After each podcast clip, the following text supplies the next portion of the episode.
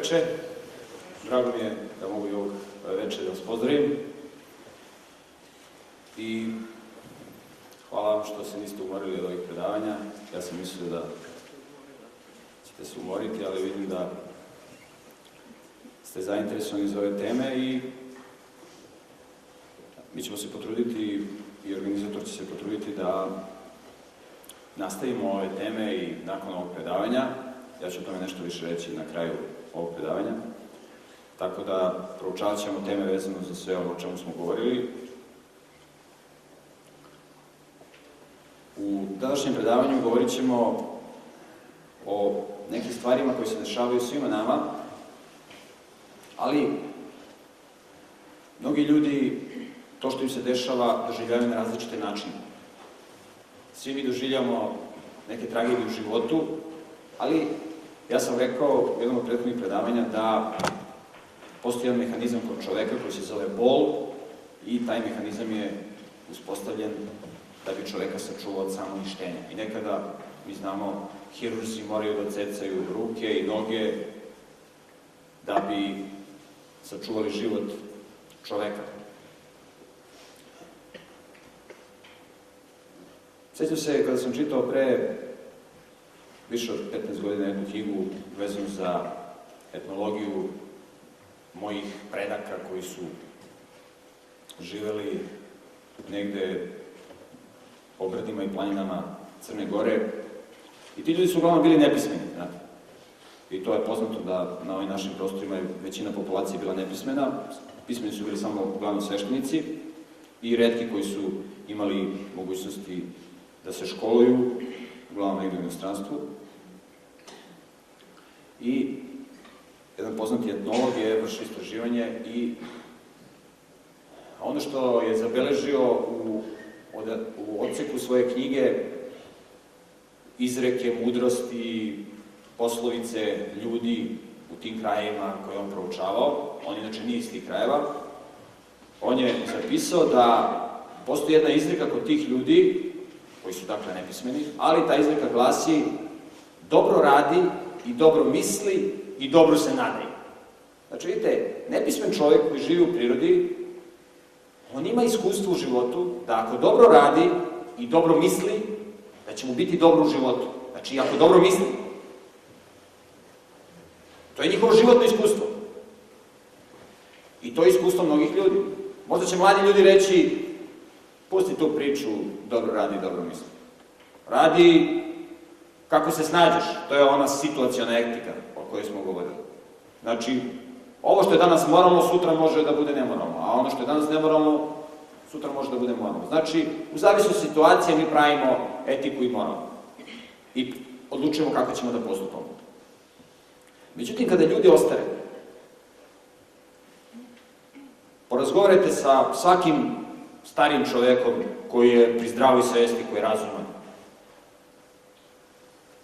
Pa ga pitajte o, o tim stvarima, da li se isplati u životu biti ispravan, pošten, moralan i tako dalje. Znači, čovjek može u ovom trenutku da učini nešto što je loše, kako tog narod kaže, nisi platio na mostu, ćeš da platiš na čupri. Znači, mi uđemo u prodavnicu, platimo 10 evra neki proizvod i on košta 5 i umesto kasirka da nam vrati 5, ona nam vrati 50. I mi vidimo 50 i mi uzmemo tih 50 i stavimo u džep. Međutim, mi smo tu uzeli tih, taj novac mnogo veći nego što stvarno treba da dobijemo, ali budite sigurni da ćemo taj novac da vratimo. I da ćemo da ga vratimo sa kamatom. Zato što postoji neko ko vraća dugove, ko ispravlja ono što ljudi kvare. I dođe trenutak. Kako kažu stari ljudi, oni kažu pravda je spora, ali dostižna. Ja mislim da pravda nije spora, da je pravda vrlo brza i to mi osjećamo u svakodnevnom životu. Ja sam govorio o tome da najveć, jedno od najvećih muka i možda najveća muka koja čoveka može da zadesi jeste da bude sam. I da je to veliki problem savremenog čoveka zato što ulaže u materijalno, ne ulaže u, prijatelje, ne ulaže u porodicu u svoje bližnje i ljudi ostaju sami. Međutim, postoji još jedna velika muka, možda i najveća muka koja čoveka možda zadosi, a to je nečista savest. Nečista savest. Zato što čovek ima jednu lampicu. Znate kad vozite automobil pa vam padne gore u ispod crte, upali ste crvena lampica. Tako čovek ima jednu crvenu lampicu koja mu se pali kad radi nešto što nije dobro. Znači čovek ima mehanizam u svom telu koji je uspostavio neko, mi smo videli ko je to uspostavio, znači taj mehanizam nije nastao slučajnim procesima, mehanizam koji se pali, ta crvena lampica nas upozorava kad god radimo nešto što nije dobro. I upozorava nas, nemoj to, nije dobro za tebe. Nije. Međutim, nekim ljudima se ta lampica pokvari i mi kažemo otupela im savest. I ti ljudi su spremni da učine najmonstruoznije stvari i mi smo videli kako ta savest može da tupi, kako čoveku fizički može da bude oštećen mozak, prednji režan ili čelni režak mozga i kako čovjek zaista izgubi tu crvenu lampicu i taj mehanizam koji se zove savest. Znači, postoje razni načini kako se nama naš tvorac otkriva. I kroz prirodu, i kroz nauku, ali i na druge načine, a između ostalog otkriva nam se preko savesti. I zato je vrlo bitno da izoštravamo to čulo. To je vrlo važno čulo. To je važnije čulo nego čulo vida. Ili čulo sluha. Savest. E sad da vidite. Mi živimo na planeti Zemlji, gde ljudi maksimalno odbacuju glas savesti. Taj glas kojim ih neko poziva da razmišljaju i da ne rade to što rade. I ljudi maksimalno rade protiv svoje savesti i protiv onoga što znaju. Neki imaju izoštreniju savest, neki manje izoštrenu, ali vidimo da ljudi rade protiv svoje savesti i svesno rade ono što nije dobro. I videli smo u čerašnjem predavanju da je posljedica toga destrukcija planete Zemlje, uništenje planete Zemlje. Ali, znate, to ne može da ide u nedogled. Kada pogledamo pojedinačno kako prolaze ljudi koji žive protiv svoje savjesti, kriminalci, razbojnici, lopovi. Ne samo da oni danas loše žive, zato što su u strahu, zato što im je nečista savjest, zato što imaju glavu u torbi, bez obzira što su oni šepure sa svojim novcem i tako dalje, nemoralno stečeni. Možete da vidite da ti kriminalci vrlo brzo završe, da oni redko, red, redko ko od njih doživi 40 godina. Oni uglavnom do 20. 25. 30. godine se između sebe poubijaju, i vidite da oni, da nije dobro to što oni rade.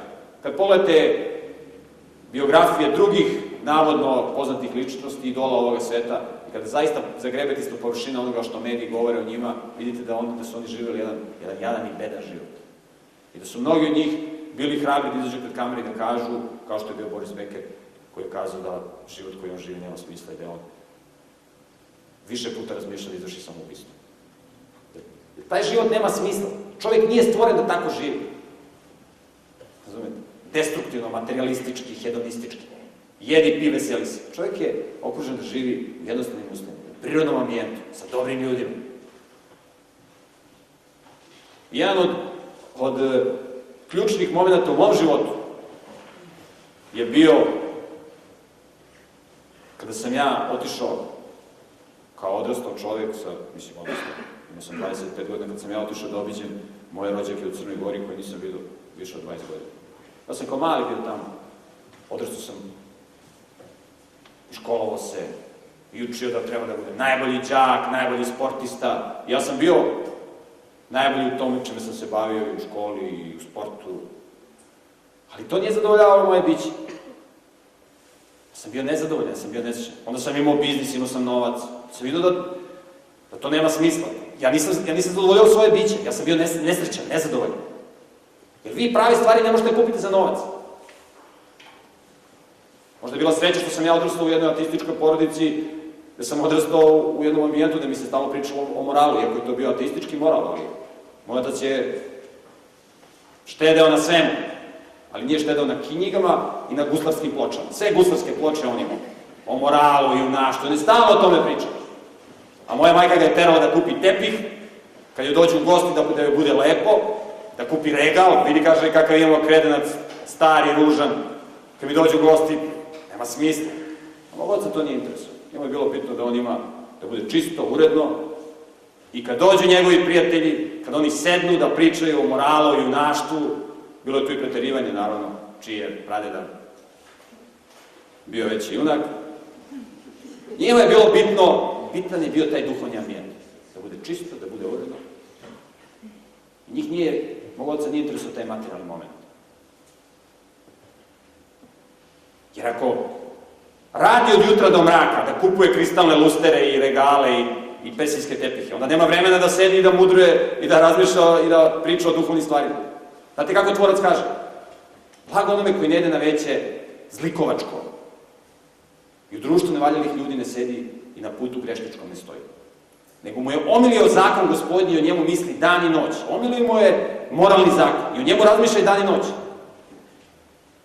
Ja sam živao na jedan takav način i ono što ja mogu da, da kažem jeste, kada sam ja vidio da taj život nema smisla, mislim ja bio nešto razvrtan, ali bio sam dobro u školi, bio sam dobro u sportu, mogu sam, imao sam biznis, mogu sam da putujem po svetu, šta da vidim? Šta? Da gledam Eiffelovu kulu, delo ruku čoveči. Šta da gledam? Nemate šta da vidim. Dobri ljudi, ili ima, gde su dobri ljudi? To je ono što, što se traži. Znate? Kada Isus ulazi u banju Vitezdu, sedi čovek paralizovan i on kaže šta radiš tu? Pa kaže, tamo se zamuti voda gde se ljudi leče, a kaže ja nemam čoveka. Ja nemam čoveka da, da, da, da, me, da me odvede do tamo, da se izleči. Nema čoveka. Koliko danas ljudi nema, nema čoveka, nema nikoga. Zato mi moramo da uložimo, mi treba da stvaramo ljude. To je naše najveće bogatstvo. I kad sam ja sa 25 godina otišao u Crnu Goru, to je bio ključan trenutak u mom životu. Kad sam ja vidio ljude koji žive skromno, ali ulažu u duhovne vrednosti, ulažu u ljude. Kad sam ja došao tamo, kad su oni mene dočekali, to nije onaj doček kad mene dočekao konobar u kafani? Pa se smeška, hvala, desi, kako izvoli, Znam zašto se on smeška. On se smeška da se to očekuje bakšišom tako, da ga častu. I vi tačno možete da prepoznate gde ste dobrodošli, gde, vas, gde vam se smeju i, i raduju se iskreno. Kada vas majka dočeka. Znate kakav je to doček? Ili vaše dete kad vas dočeka, kad dođete kuću. Kad mi trče Isus. Kad, e, kad sam ja došao među te ljude koji nisam vidio 20 godina, Znate kako su oni mene dočekali? To su obični. Kako su se oni obradovali? Kako su oni? Oni su mene dočekali kod da sam prestalo naslednik, kod da sam carski sin. Takav doček bio ne mogu da vam opišem. Pa dolaze komšije, pa dolaze od tamo sa svih strana. A ti si taj, a tvoj stric, on je, a ujak, a ovaj pradeda tvoj. Rekao, od koji ljudi znaju? Oni znaju bolje moje, moje rođake nego ja. Pa kaže, ne, ne znamo mi, ali mi znamo po ovako, mi to pratimo, kaže, mi znamo tačno sve ko je i kod koga. I sve pozitivno priča, oni ne pričaju o ružnim stvarima, samo lepe stvarima. I to je ono što Isus govori. Oko je videlo telo. Ako je oko bolesno, svoje telo bolesno. Znači, mi treba da u ljudima prepoznamo pozitivne stvari i na pozitivnim stvarima da zidamo. A ne da ljudima pronalazimo mani da samo ogovaramo i da pričamo o ružnim stvarima. Onda se mi pretvaramo ono što je ružno. Znači, ako ljudima nemamo šta pozitivno da, da kažemo, bolje da ćutimo. Znači, treba da gledamo ono što je pozitivno i da radimo ono što je pozitivno. Jer zakon ljudskog uma je da se pretvara ono što mu je pred očima. Ako gledate odvratne filmove, odvratne scene, to ćete se pretvarati. Imaćete i košmarne snove, i svakake gluposti će demoni i djavo da vam bacuju glavu. Zato treba da gledamo ono što je pozitivno, da se pretvara ono što je pozitivno i da izoštramo svoju savest. E sada, dolaze kritične situacije kada se ljudi toliko iskvare da tvorac mora na nadprirodan način da. On se meša i u živote pojedinaca, i vi znate kako mnogi kriminalci samo, samo nestanu, desi im se nešto. I kad pogledate istoriju, pogledajte kako su velika carstva, koja su činile najstrašnije zločine, krenite od istorije tamo od početka, pa pogledajte Vavilonsko carstvo, pa Rimsko, pa Grčko, pa Rimsko, Medopesijsko, pa pre toga Sumersko. Pogledajte kako su ta carstva nestala, kako su te civilizacije nestale. Kao, i mi vidimo ispunjenje onih reči koje je tvorac kazao, kaže, kad, bezbožni, kad bezbožnici niču kao trava i kada cvetaju svi koji bezakonje čine, to biva da bi se zatrli zanavek. Znači, tvorac pusti da isklijaju i onda ih zatri. To je kako dođete u prodavnicu i kupujete seme za ružu saronsku. I onda vam neko kaže, znate šta, nije to ruža saronska, to je korov. Evo ti je Ruža Sarnovska. I sad vi šta ćete da uradite? Vi smete da posetite i Ružu Sarnovsku i jedno i drugo seme. I vidite i ono isklija. Potrebno je da neke stvari se dese, ružne stvari, da bi ljudi videli zlo. Jer mnogi ljudi ne prepoznaju zlo, misle, greh je šala, kakve to veze ima? I onda tvorac dopusti da zlo isklija, da svi vide. I onda ga tvorac sapre, spali. To je vrlo važno da zapazimo. E sada, slična situacija je bila u istoriji u vreme Nojeva. Znači, pre oko 4500 godina, nekih 1656 godina, tačno znamo po hronologiji, možemo čitamo Mojsije knjige. Znači, možemo da vidimo da je postala jedna civilizacija na planeti Zemlji slično današnjoj, koja je došla u takvo stanje drskosti, bezakonja i nemorala, da je tvorac morao na jedan dramatičan način da se umeša u tok ljudske istorije i da je izbriše. Spasala se samo jedna mala grupa ljudi jedan poseban način. To je možete da čitati u mojoj knjigu. I danas postoje, postoje obilje naučnih dokaza, ja sam o tome govorio kada sam govorio o kanjonu, i o fosilima, i o geološkim strukturama. Postoje genetski dokazi koji pokazuju jednostavno da svi mi potičemo od jednog malog genskog pula. Jednog malog broja ljudi pre nekoliko hiljada godina. Sva istraženja to nedvosmisleno pokazuju i tu nema ozbiljnog naučnika koji će tome se suprostaviti. Ali šta je tu važno za nas? Važno je da će tvorac na sličan način u budućnosti da se umeša, ali na mnogo dramatičniji način. Jer vidite, kada se desila ta globalna katastrofa, ta velika poplava, tvorac je dao obećanje da nikada više neće pustiti vodeni potop na zemlju. Nikada više. I dao je dugu kao znak. Mi, mi smo videli na osnovu geološke istorije i na osnovu istorijskog izveštaja koji je pisao Mojsije, koji je u skladu sa geologijom, da kiša u početku nije padala na planeti Zemlji, klima je bila umerena svim meridijanima, kiša, znači, duga možda se javi samo posle kiše, tako? I ljudi su posle potopa prvi put mogli da vide dugu. I ta duga je znak, tvorac je kazao, znači kad vidite, kad čujete grmljavinu i kišu, kad vidite da ne mislite bit će ponovo potop. Ne, više nikad neće biti vodenog potopa. Duga je znak, tvorac je kazao. Ali pazite, tvorac nije rekao da neće biti nekog drugog potopa. Tvorac je rekao da će sledeći potop biti ognjeni potop. Znate, u ono vreme, kada kiša nije mogla da pada, pazite, pojavi se čovjek. I on kaže, ljudi, pašće kiša.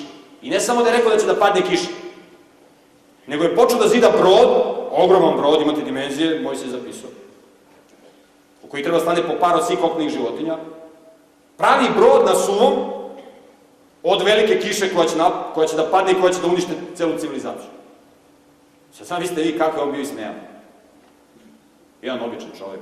Znate, tvorac uvijek gleda preko običnih ljudi. Jer tvorac gleda na srce, to je ono što piše u Bibliji. Bog ne gleda ono što čovjek gleda, čovjek gleda ono što je spolje, a Bog gleda na srce. Pogledajte ko, su, ko je bio Mojsij, ko su bili ovi drugi ljudi. To su bili obični ljudi, ali pošteni, moralni. Pogledajte ko su bili Isovi učenici. Bilo je i lekara, bilo je ljudi koji su bili fakultetski obrazi, kao apostol Pavle. Ali većinom to su bili obični ljudi, pošteni i moralni. Tvorac gleda na, na, na, na, duhovnu, na, na duhovni skelet čoveka. Sad zamislite, Noje kaže, doće katastrofa. Kako su se njemu smejali? A to je vrlo bitno da mi vidimo kako su se njemu smejali. Zbog toga što se, istorija se ponavlja. I Noje gradi brod. I oni se njemu smeju. Gradiš brod. Tebi se Bog javio da će biti potop. Što se mi javio našim naučnicima, akademicima, nobelovcima. Bili su i neki nobelovci pre novo vreme. Stručnici, eksperti, evolucionisti, prepotopni evolucionisti, darwinisti. Kako to da se njima nije Boga nego se tebi? Pa da bi oni kao naučici bolje razumeli poruku od božanskog bića. Tebi da se javi. Ljudi su videli kišu, ne znaš šta je kiša, kako može da pada kiša s neba. A znate, kad je prva kišna kap pogodila u glavu onog prepotopnog darvinistu, znate, to je bilo kao da ga je grom pogodio. Prestala su sva ruganja. Ali bilo je kasno. Vidite, mi živimo u jedno vreme za koje tvorac univerzuma kaže da je vreme kao u Nojevo vreme. Po čemu je to vreme kao Nojevo vreme? Vidimo bezakonje, nemoral i tako. Međutim, kada će tvorac da interveniše? Ja sam pričao kad sam imao promociju moje knjige i kaže jedan moj prijatelj, ovako dobar momak, samo ne poznaje neke stvari do kraja, onda kaže, ja kažem kako tvorac vodi tok ljudske istorije. On kaže, zas, zaspo, kaže, vozač za volan, kaže. A, međutim, tvorac kaže da on ne kasni sa svojim obećanjem, nego trpi ljude, da što više ljudi uđe u pokajanje, da se što više ljudi ozbi. Mi ćemo vidjeti kako tvorac deluje u istoriji. Zato je ekstremno važno da čitamo istoriju, da čitamo Mojsijevu istoriju, da vidite kako se tvorac meša u ljudske i Mojsijevu i istoriju drugih autora koje možemo da nađemo u Bibliji. Vidite kako se tvorac meša u tok ljudske istorije i onda tačno možete prepoznati danas stvari koje se dešavaju. Zašto se dešavaju na takav način? Ništa se ne dešava slučajno. Ni tsunami, ni zemljotres, ni poplava, ništa se ne dešava slučajno. To tvorac kaže, kaže, sve su vam dlake izbrojane. Nijedan vrabac ne padne sa drveta, a da tvorac o tome ne brini da ne misli. Sve je pod kontrolom. Ništa nema slučajno. U ovom svetu nema ništa slučajno. Ništa. Sad vidite, kako to da vozač nije zaspao za volanom, kako kaže moj prijatelj. Ja sam pripremio jedan dijagram, pomoću koga ću da vam ilustrujem kako to vozač nije zaspao za volanom, kako kaže ovaj moj prijatelj. Vidite, ovom oznakom plus, znači iznad ove crne crte, ovom oznakom plus su označeni ljudi koji su na strani prave, na strani morala, koji se trude, koji žele da napreduju, koji žele da saznaju. Oni nisu savršeni, nisu savršeni karakter, ali oni se trude, oni imaju padove, prave greške u životu. Ali oni se trude, oni napreduju. Dok su oni u ovom polju, do ove plave crte, ti ljudi, da ih nazovem pozitivni, oni mogu da pređu na ovu drugu crtu i da budu negativni, da postanu destruktivni. Znate, ono što, što tvorac gleda, to je kakva je naša tendencija. Znači, ako je ta naša tendencija pozitivna, mi možemo da imamo neke padove, ali generalno naša tendencija je pozitivna. Međutim, postoje ljudi koji imaju negativnu tendenciju. Ljudi koji imaju pozitivnu tendenciju i koji se izgrađuju i napreduju duhovno, žive u skladu sa prirodnim zakonima ili sa Božim zapovestima, to je sve jedno. Prirodni zakon ili Boži zapovest. Kad znate, ljudima otupi savjest pa ne znaju šta su prirodni zakoni, onda tvorac da ovo su prirodni zakoni. To su, tako treba da živiš. Da bi bio živ i da bi, da bi danas srećan, bio srećan. Kada, kada ljudi koji su pozitivni pređu jednu crtu u svom karakternom izgrađivanju, to je ova plava crta, kada oni pređu tu crtu, onda oni dolaze u jedno stanje izgrađenosti karaktera. Da oni više nikada ne mogu da padnu ispod ove crte u negativu. Nikada. I postoji terminologija koja se koristi, koju tvorac koristi, jedna duhovna terminologija, kaže se, zove se Boži pečat. Znači, čovjek kao da biva duhovno zapečećen. Znači, on je došao u jedno stanje izgrađenosti karaktera, da nema šanse više da on bude prevaran i, da padne ispod ove crte u minus, da postane negativan. Razumite? Međutim, sa druge strane, naravno, dok je god u ovom polju, on može da pređe. Vodi se borba za svako biće. Tvorac naspram pobunjenika. Lucifera ili Sotona. Borba za svaku ličnost. Rešenje. On, ovaj hoće da što više ljudi uništi. To mu je zadovoljstvo. To je smisao njegovog života. I možete kažete kakvi su to karakteri. Pogledajte ove ljude na ulici, ove, ove razbojnike, ove, ovima koji, ima, koji ima oštećen čelni režim. Šta, šta je njima milo da radi? Pogledajte časopise koje oni, koje oni objavljaju. Pogledajte, uzmite neki heavy metal časopis. I se prodaju na kiosima, pa, pa otvorite, pa pogledajte samo jednu stranu da vidite. Ma se zgrozite. Da vidite krv. Zadovoljstvo da, da, da, da nekom izvadi srce. Rešajim. Razumete? E, sa druge strane, postoje ljudi koji su negativni. Oni su, znači, u ovom polju. Njihova tendencija je da, da tonu. Oni imaju neke pozitivne pomake s vremena vremena, ali oni generalno tonu. U karakternom smislu, u duhovnom smislu. Naravno, dok su oni u ovom polju, iznad ove crvene crte, oni mogu da pređu da postanu pozitivni. I tvorac se njima otkriva na razne načine. I u životu, u iskustvu, preko knjiga, preko literature, na razne načine bore, tvorac se bori za svakog čoveka.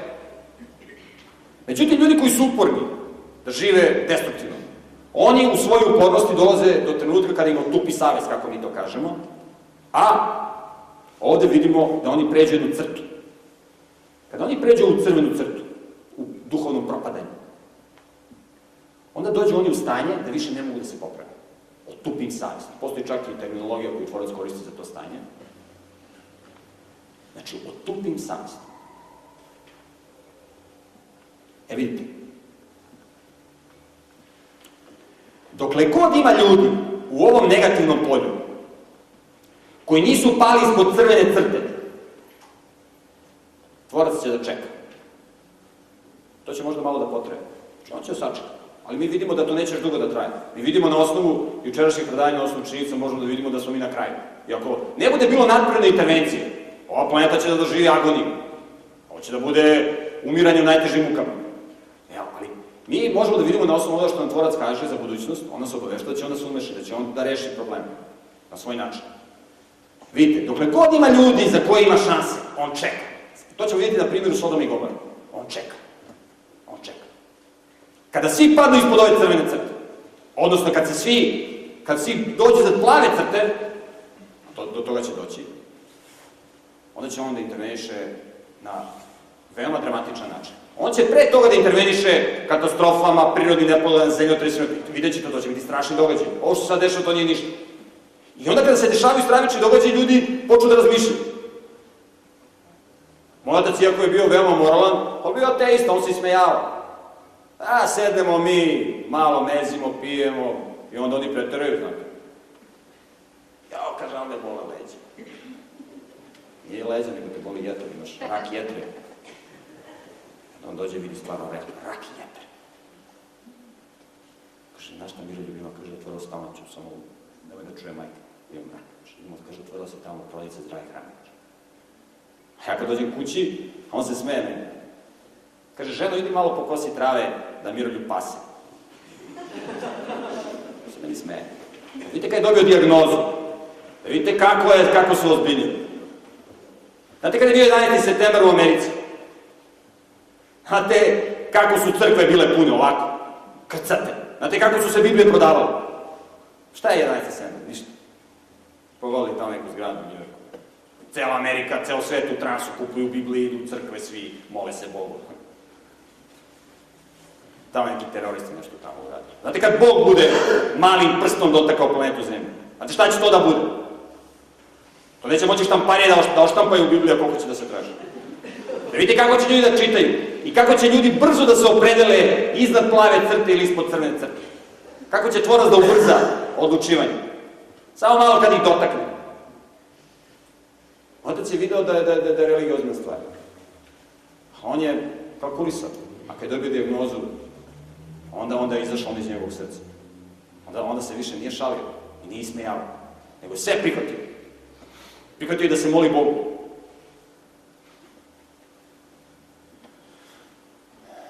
Sad pogledajte situaciju vezanu za gradove Sodom i Gomor. Istorijski izveštaj koji je zapisao Mojsije kaže da je taj grad sli, uh, tip ili slika događaja koji će se desiti. Taj događaj o, kom, o kome mi govorimo da će se desiti. Na kraju, kada se ljudi opredaju.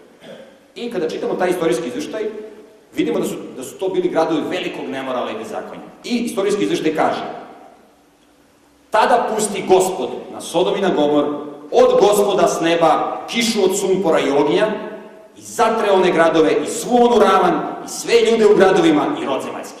Znači zatiranje, vatra i sumpor s neba. Međutim, vrlo je bitno da zapazimo detalje ovog istorijskog izveštaja koji daje Mojsije. Tu možemo da vidimo da tvorac dolazi. I tu je bio jedan pobožan čovjek koji je živio van Sodoma, zvao se Avram, koji je čovjek, jedna izuzetna ličnost, od koga, poti, od koga je, preko koga čovjek, preko, preko koga tvorac hoće da spasi čovečanstvo, preko Avrama, jedan pobožan čovjek. Bezakonje nemoralo na planeti Zemlji. I tvorac hoće preko ovog čoveka da spasi planetu. Preko jednog pobožnog čoveka. Pazite, on je bio pastir. On nije hteo da živi u gradovima zato što je veliki nemoral. On, on je bio pastir.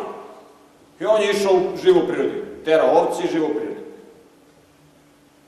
Ali on je znao za pravo tvorca i on je imao način kako je druge ljudima, kako je ljudima govorio o, o tvorcu. Pošto su ljudi, tamo je velika nestašica vode, i onda je on kopao bunare, i svakom bunaru je davo ime, ne znam, bunar živog Boga. Bunar Boga koji ne vidi. Taj način je on, ljudi su dolazili, bilo je potrebno vode. On je činio dobro ljudima, iako su oni njega mrzeli. Onda znate šta, kad su oni, pazite, ljudi, nemaju vodu. I oni dođu na bunar, kaže, to je bunar onog živog Boga. I oni su klanjali raznim božanstvima, paganima, klanjali se djavolu, prinosili decu na žrtvi, šta se nisu radili. Kako se zove ovaj bunar? Bunar živog Boga. A to je od onog Avrama. Daj da zatrpamo bunar. Da zatrpaju bunar. Nećemo da pijemo vodu, ali neće taj da nam promoviše svoja moralna načela. Nego ćemo mi da živimo kako mi hoćemo. Da radimo šta mi hoćemo. Ne treba nam ukor za savjest. Da nam neko popravlja crvenu lampicu. Ne, mi smo je ugasili, kraj priče, ne treba nama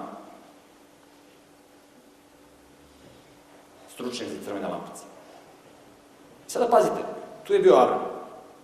I tvorac, pazite, tvorac dolazi i razgovara sa Avramom. I kao da Pitan mu je Avram, razumete, on hoće Avramu da objasni to što hoće da uradi. On kaže, Avrame, velika je vika, do neba se čuje šta se radi u tim gradovima. Avram kaže, ne, ovaj gospode, kaže, možda ima 50 pravednih tamo. Nemoj sada da zatreš. Avram je, znate kad je Avram živio, Avram je jako dobro znao istoriju potopa i uništenja. Jer pazite, u Avramovo vreme nije živeo Noje, ali je živeo Noje sin. Sim, koga Avram potiče. Znači, čovek koji je prošao potop. Tako da je Avram direktno od, od Nojevog sina mogao da, ču, da sluša istoriju. Avram nije doživao potop, ali to je, je znao kako tvorac interveniše. Znao je za uništenje. I on kaže, nemoj, Bože, ima možda 50 ljudi tamo pravi. Kaže, ako ima 50, neću da uništim. Kaže, Bog nije. On razgovara s njim. Tvorac hoće da mi znamo. Neće on da interveniše da mi ne znamo i da se mi čudimo. Onaj koji hoće da sazna, on će da bude informisan. Tvorac daje informacije. Ali da li ljudi hoće da saznaju? Pa kaže, dobro, možda nema 50, nemoj sad da me hvataš za reč, možda ima 40. Kaže, ako bude 40, nema problema, neću da... Kaže, izvini, ako mogu još jedno da ti kažem. Možda ima... Kaže, ako ima jedan, neću da ništa. Jedan ako ima, neću da ništa. Tvorac neće da uništi planetu Zemlja ako ima jedan čovjek. On neće da interveniše On čeka, on čeka da, svi, da se svi spasu. Njemu, njemu više vredi jedan čovjek nego ceo univerzum, nego sve galaksije, sve zvezde. Šta će mu zvezde? Šta će mi tepih? Da radim od jutra do mraka i da nikad ne vidim svoje dete zbog pesinskog tepiha. Da ga otplaćujem 15 evra mesečno. Znate ono? 2 evra dnevno. Znate one, one, one, one, ono bankari kako navlače ljudi. 2 evra dnevno. Šta će mi to? Galaksije. Šta će mi galaksije? Treba mi ljudi, treba mi ljudi koji mogu da daju istinsko dobro, ljubav. To meni treba. Neću, kaže. I pazite šta tvorac radi. On šalje dva anđela u ljudskom obličju. Mi smo govorili o tome da su anđeli duhovna bića, ja sam to govorio na prethodnim predavanjama, koji imaju mnogo veće potencijale nego mi. Oni mogu Oni izgledaju kao ljudi, ali imaju mnogo veće potencijale. I sada, dva anđela, kao ljudi, u ljudskom obličju, ulaze u Sodom. Zato što u Sodomu ima jedan pravedan čovjek da ga izvuku. Neće da bude uništenje Sodoma dok se taj čovjek ne izvuče. Lot se zove. Sad pazite, ulaze njih dvojica u Sodom, ova dva anđela. I ovi kriminalci kad su videli, ti kad su videli ovo, vidi. Znate, to je kao kad uđete u neki deo grada, u veliki grad. Ja znam, na primjer, neki gradima, sećam se, kad sam živio u Zagrebu, živio sam u Utrinama na Novom Zagrebu, i onda su bili ovi lokalni kriminalci, Utrina republika, videli ste grafite, Utrina republika. Onda vi kad uđete, dođe neko iz nekog drugog grada, kaže imaš ti pasoš za, za, za Utrinu. To isto, isto imate i u Beogradu tamo. Dođe na Dorčel ili neki deo grada, Čuboru, i onda ovi lokalni, imaš ti pasoš, kaže, došao si ovde na, u naš deo grada. Sada, ova dva, po istom, istoj metodi, ova dva anđela ulaze, ova dva čoveka ulaze da izvuku Sodoma iz, da izvuku Lota i Sodoma. I ovi kriminalci ono vide. Vidi, vidi, kaže. I oni idu pravo u kuću kod Lota. I Lot kad ih je vidio da su oni stranci i da će ovi vukovi da skoče na njih, on ih je ono pozvao u kuću. Kaže, brzo uđite. Jer Lot je bio pošten. Nije bio kod drugi. I ovi njemu kažu, slušaj, nisu ni stigli da pričaju s njim kada ovo lupaju na vratu. Kaže, izvedi nam te tvoje goste. Pazite šta kažu kriminalci. To je vrlo važan tekst. Mi ne vidimo iz našeg prevoda, ali na hebrejskom jeziku se to lepo vidi. Kaže, izvedi tu, tu dvojicu što su, što su došli da ih poznamo. Tako piše u našem prevodu. Da ih poznamo. U hebrejskom jeziku se koristi glagol ladat, što znači znati ili spoznati. To je isto onaj glagol koji se koristi kada se kaže pozna Adam ženu svoju. Znači da ih poznamo. Nije to da ih mi upoznamo, nego da ih poznamo, ladat, da ih, da ih spoznamo kao što Adam spoznaje svoju ženu. I zato vi imate ono što se zna da je Sodom bio grad homoseksualaca. Kaže, dovedi da ih mi, da ih mi poznamo. Nećemo samo da ih bijemo, da ćemo druge stvari svima da radimo. Ovi njemu kažu, slušaj, pakuj se i izlazi ako hoćeš sačuvati svoj život, da će ovaj grad da bude uništen. Zovi svoju porodicu ako hoće izlazi. I ovi kriminalci nagrnuli. Hajde. Istog trenutka su oslepili. Naravno, oni su, ova dva čoveka su mogli se nas obračunati kako hoće, su da ih pobiju, ali oni su imali poseban zadatak. I oni su izveli Lota i Sodoma.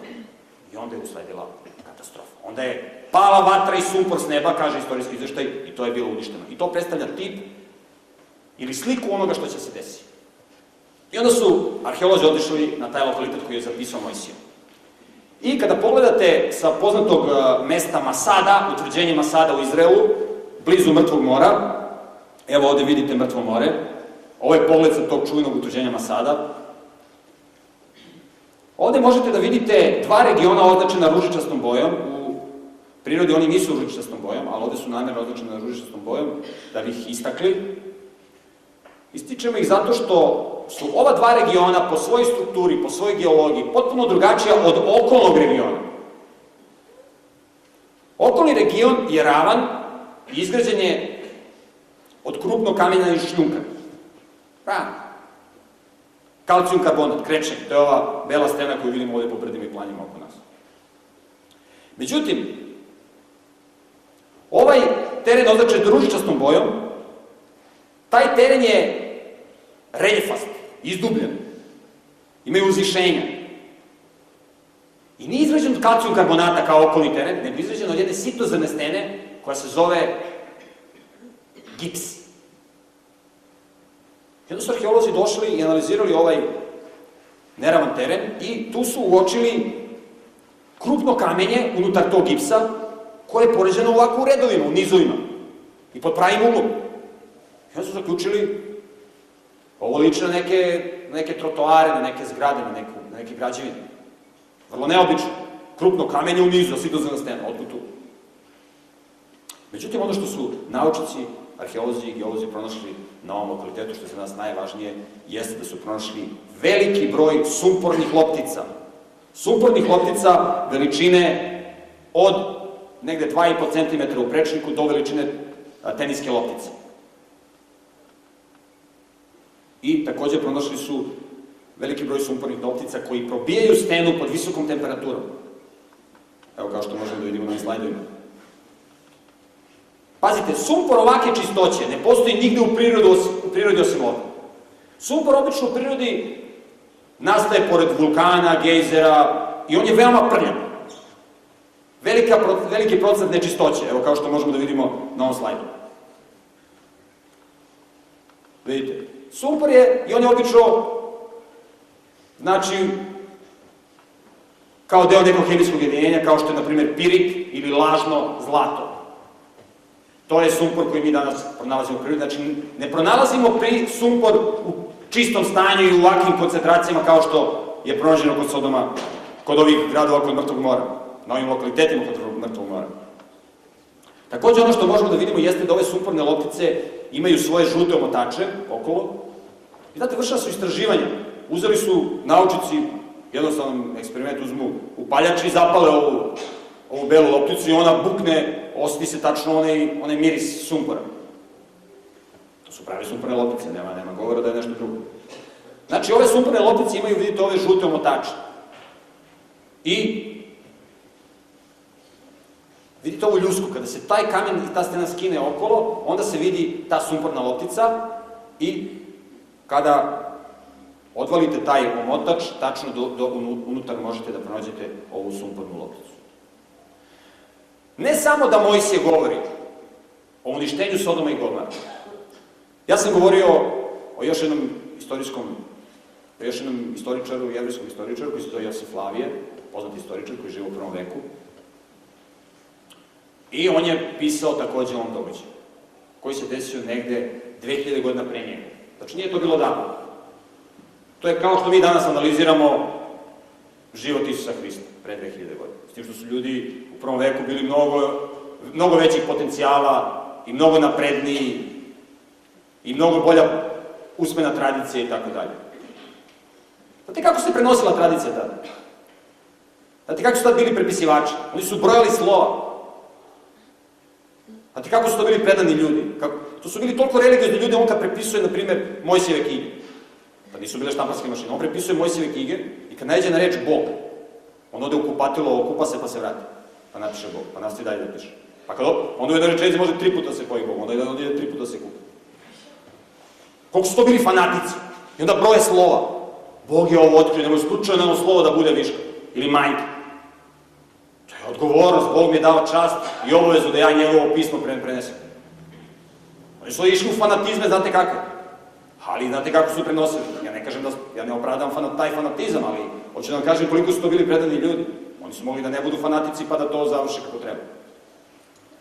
Sada pogledajte Josif Flavije šta kaže vezano za ovaj događaj. Znači ovo je nezavisan događaj, nezavisno od Mojsija. Šta Mojsije kaže? Josif Flavije kaže, ovo područje izgleda tako tužno, pošto je spaljeno, da se niko ne interesuje da ovde dođe. Bilo je to nekada veoma srećno mesto, zbog plodova biljaka koje tu raslo i bogatstva nekadašnjih gradova, a sada je sve spaljeno. To je posljedica bezbožnosti njihovih stanovnika, koje je bilo uništeno vatrom. Danas još uvek vidimo ostatke ovog božanskog ognja, a tragovi i senke ovih pet gradova još uvek su vidljivi, kao i pepeo u kome se nalaze njegovi plodovi, koji imaju boju kao da su bili za jelo, ali ako ih uzmete u ruku, oni će se raspasti u prahu i dimu. I ovde Josif Flavije govori, kaže, tragovi i senke ovih pet gradova. Mi smo spomenuli Sodom i Gomor, to je bilo u stvari pet gradova. Kada čitate moji se izveštaj. Ali Sodom i Gomor su najpoznatiji. Pazite, senke. I kaže, plodovi koji izgledaju kao da su za jelo, a kad ih uzmete u ruku, oni se raspadaju. Kad uzmete sumpornu lopticu, on izgleda kao, kao limun. Ali kad uzmete u ruku, ona se raspada. Kako senka može da nastane? Senka nastaje samo ako postoji uzvišeni objekat. Kao što možemo da vidimo na ovom regionu koji, koji je označen ružičastom bojom, koji se po svojoj geologiji i po svojoj strukturi razlikuje od okolog terena. Kao što možemo da vidimo. I onda su naučnici izvršili hemijsku analizu ovog, ovog terena. Okolo je kalcijum karbonat, krečnjak. Ova bela stena koju mi možemo da vidimo svuda na našem terenu. Ako je zaista tu pao oganj i sumpor, onda bi morala da postoje određena hemijska reakcija da se nešto tu desi. To je vrlo jednostavna hemijska reakcija. I onda su naučnici analizirali. Ako vi spustite vatru ili oganj, znači veliku toplotu, na kalcijum karbonat, na krečnjak, šta će se desiti? Oslobodit će se onaj crni dim, koji zovemo ugljen dioksid, i ostaće jon kalcijuma. U isto vreme, ako imamo sumpor, on će kontaktu sa kiselnikom da da jon sulfata. I kada se spoje jon kalcijuma i jon sulfata, dobija se kalcijum sulfat ili gips, upravo dominantna stena koju pronalazimo na ovom regionu koji je uziš. Znači imamo hemijsku potvrdu onoga što piše u mojim knjigama i onoga što kaže Josif Flavio. Takođe, na ovim lokalitetima, koji su ovde označeni ružičasto, koji su, na kojima pronalazimo sumporne loptice, naučici su pronašli ostatke skeleta, ovde vidimo ostatke kičnog studa i karlice, ovde vidimo ostatke butne kosti, takođe vidimo ostatke kičmenog pršljena, postoji mnogi, postoji mnogi drugi ostaci koji su pronađeni. Onda su neki pravili špekulacije da li su to ostaci skeleta, spaljenih ljudi koji su tu bili uništeni ili su to neki neobični oblici kamenja. I onda je ponovo izvršena hemijska analiza i utvrđeno je da kada se analiziraju ovi ostaci skeleta, koji su sada za neke po znakom pitanja, kada se oni analiziraju, kada se analizira njihov hemijski sastav i hemijski sastav okolnog terena, možda su to neki, neke neobične kamene strukture okolnog terena, kada se znači, analizira hemijski sastav okolnog terena i ovih a, ostataka skeleta, uočeno je da okolni teren ima 7,7 puta više kvarca što bi se i očekivalo ako, je ovo, ako su ovo ostaci skeleta. Takođe ima 6,8 puta više aluminijum oksida, što je takođe očekivano ako je ovo skelet. 11 puta više sumpora, sumpora, a pošto znamo da kosti i zubi, koji su najotporniji na kremiranje i na fosilizaciju, su, izgled, imaju u sebi flor,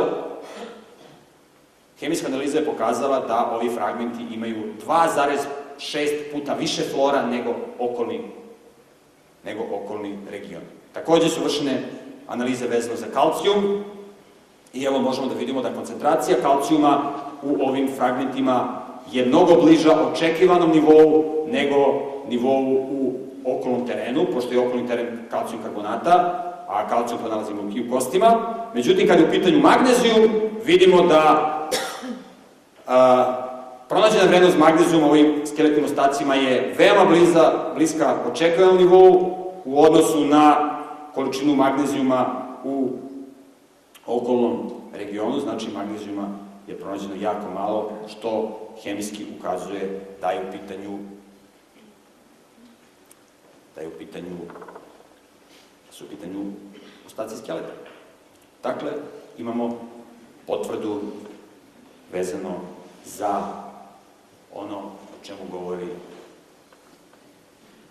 istorijski izveštaj koji je zapisao Mojsije, s aspekta darvinizma, takve katastrofe se ne dešavaju, naprirodni faktor ne postoji, priča o Sodomu i Gomoru je jedna mitologija, međutim mi vidimo da činjenice ukazuju da izveštaj o Sodomu i Gomoru nije mitologija, nego tačan istorijski izveštaj koji imamo u detalje opisan. U detalje opisan. Ono što možemo dakle da vidimo jeste da se tvorac u prošlosti meša u tok ljudske istorije na dramatičan način. Videli smo fosile, videli smo stene u onom predavanju o kanjonima. Danas vidimo o tome, vidimo kako će se tvorac u budućnosti umešati u tok ljudske istorije.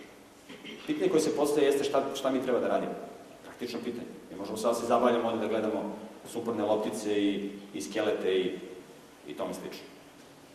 Ali, poruka ovog predavanja i predavanja sada nije da se zabavljamo, nego da razmišljamo, da, da se pokrenemo na razmišljanje. Vidite, čovjek je stvoren da živi u prirodi. Pogledajte kako su stvoreni prvi ljudi, Adam i Eva. Su stvoreni da živi u prirodi. Da živi u betonu. Pogledajte šta je njima dato da jedu. Prirodnu hranu, ono što je tvorac stvorio. A pogledajte šta mi jedemo. Mi jedemo rafinisanu hranu, jedemo hemiju. Da se čudimo što smo bolesni. Mi ne jedemo prirodne proizvode, nego jedemo, mi se hranimo iz prodavnice. Ne hranimo se sa pijace. A i ono sad na pijaci što ima je manje više zatrovano raznim hemikalijama i tako dalje, kao što sam juče govorio. Ova struja koju mi sada imamo ovde, ona može svakog trenutka da nestane. I ona će nestati. Kakav će onda naš život biti?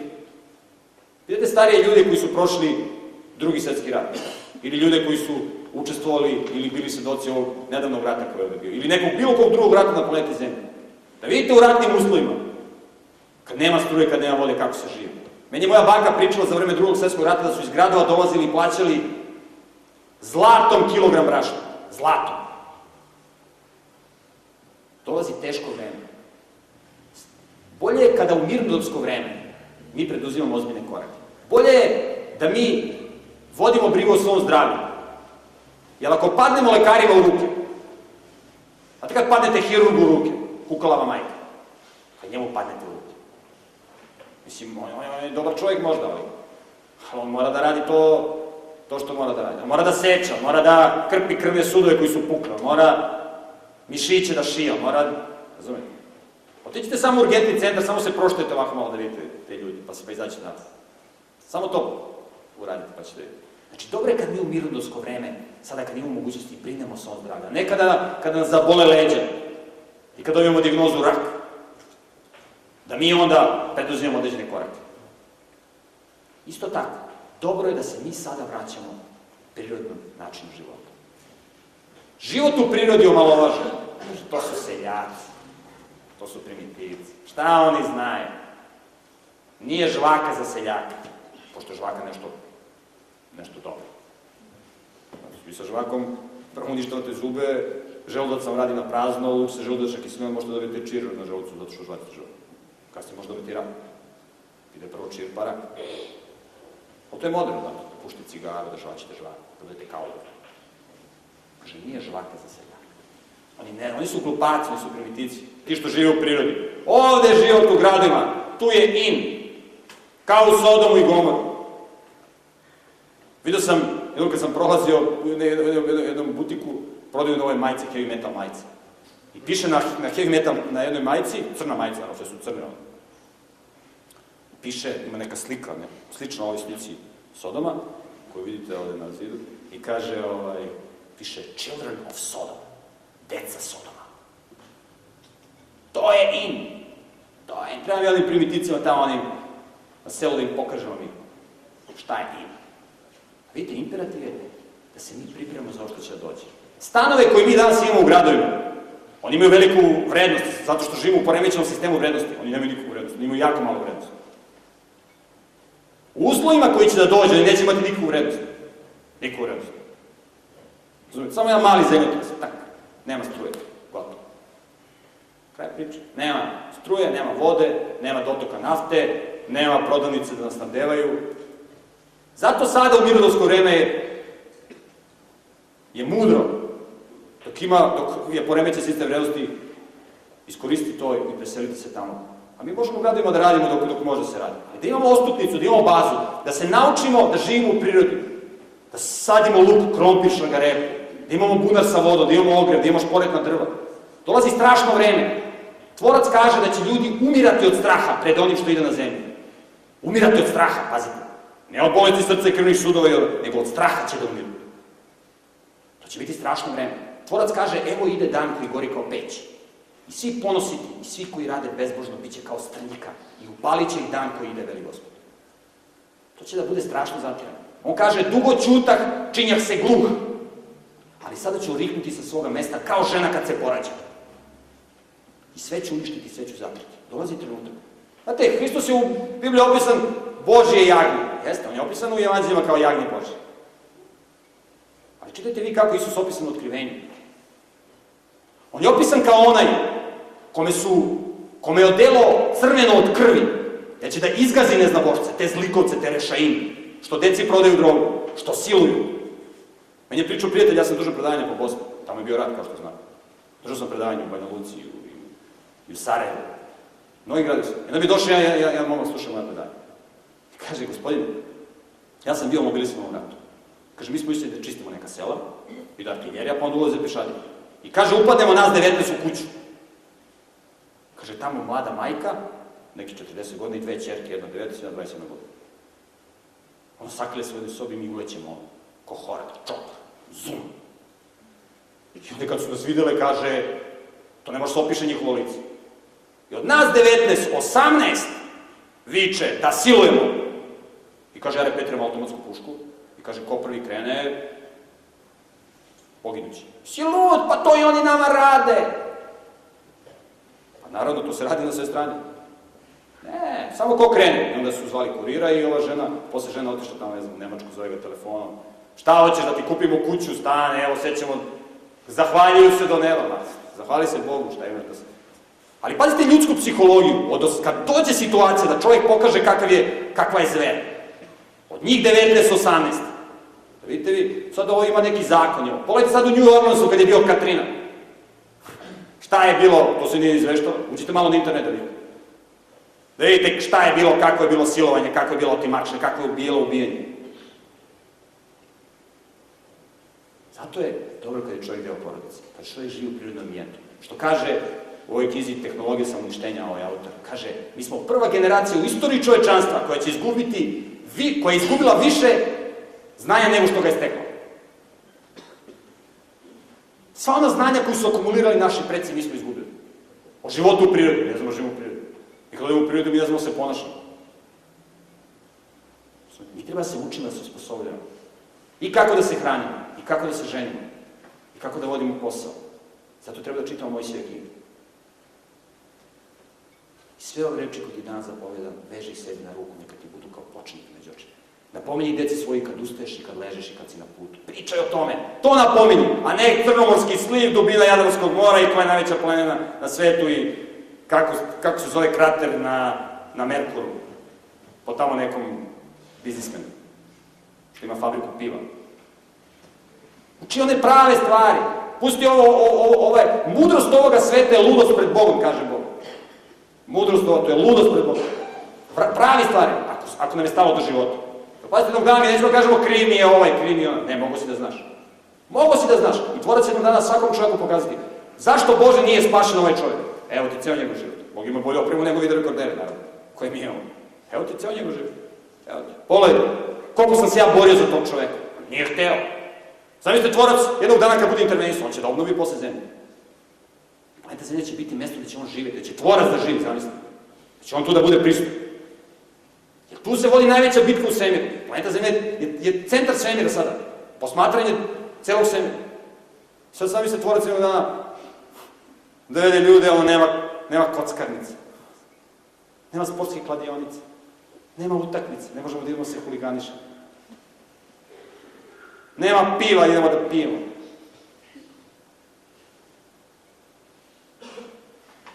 Ne možemo da se tučemo. Nema bordela. Nema sajma erotike. Zamislite, tvorac dovede nekog čoveka od takih, na, tako odmenu planetu. Pa za njega bi planeta takva bila pakao.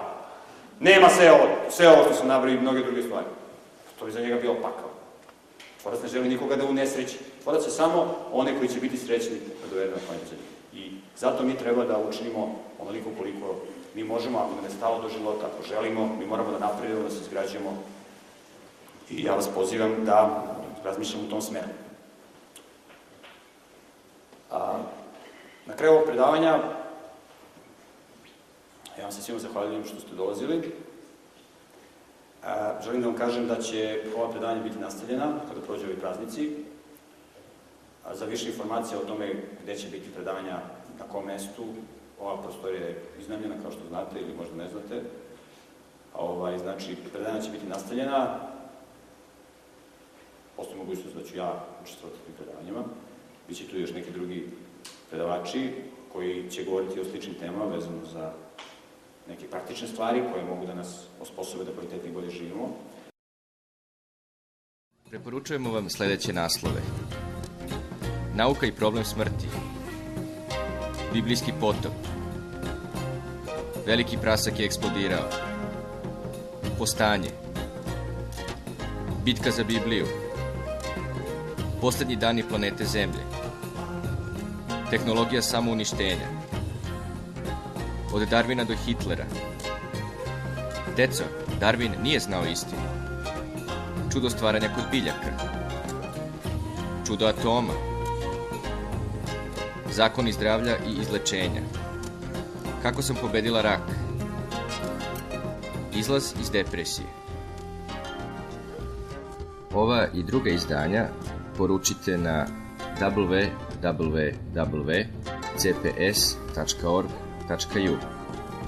ili na telefon 062 200 046.